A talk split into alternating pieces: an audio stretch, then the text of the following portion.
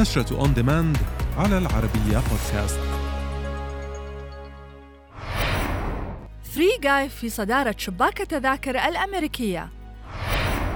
حفل جوائز إيمي 2021 في الهواء الطلق. جون ليثغو ينضم لفيلم Killers of the Flower Moon.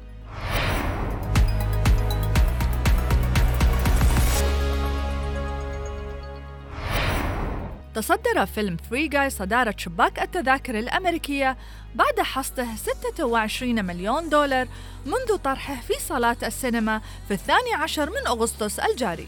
وتدور أحداث الفيلم حول راين رينولدز وهو يمثل دور شخصية ألعاب فيديو تدعى جاي في لعبة شائعة تسمى Free City وبمجرد أن يدرك أنه يعيش في لعبة خيالية يبدأ جاي في السعي ليصبح بطل اللعبة. قرر منظمو حفل جوائز إيمي إقامة الحفل هذا العام في الهواء الطلق بسبب مخاوف من جائحة فيروس كورونا. وكان من المقرر في البداية أن يقام الحفل في التاسع عشر من سبتمبر المقبل في لوس أنجلوس في قاعة مغلقة أمام جمهور محدود من الجماهير.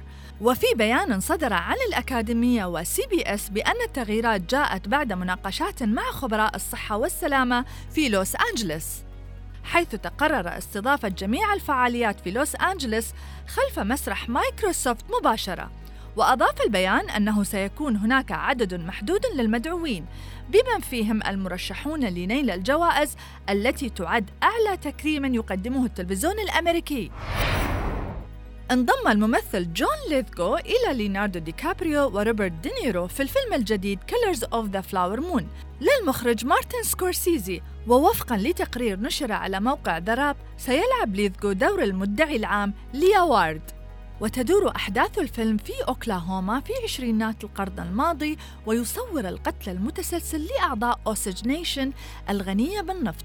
وهي سلسلة من الجرائم الوحشية التي عرفت باسم عهد الإرهاب.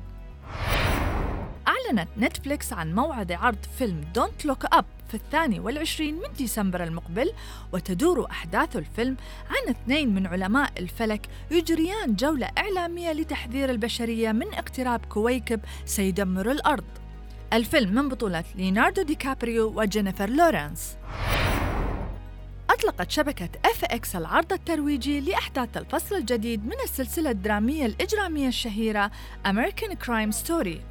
ويسلط الضوء في العرض الترويجي للموسم الثالث على لحظة وصول مونيكا لوينسكي إلى البيت الأبيض ضمن المجموعة القادمة من المتدربين الجدد وجذبها أنظار الرئيس الأمريكي كلينتون من اللحظة الأولى. المسلسل سيعرض في السابع من سبتمبر المقبل تحت عنوان Impeachment.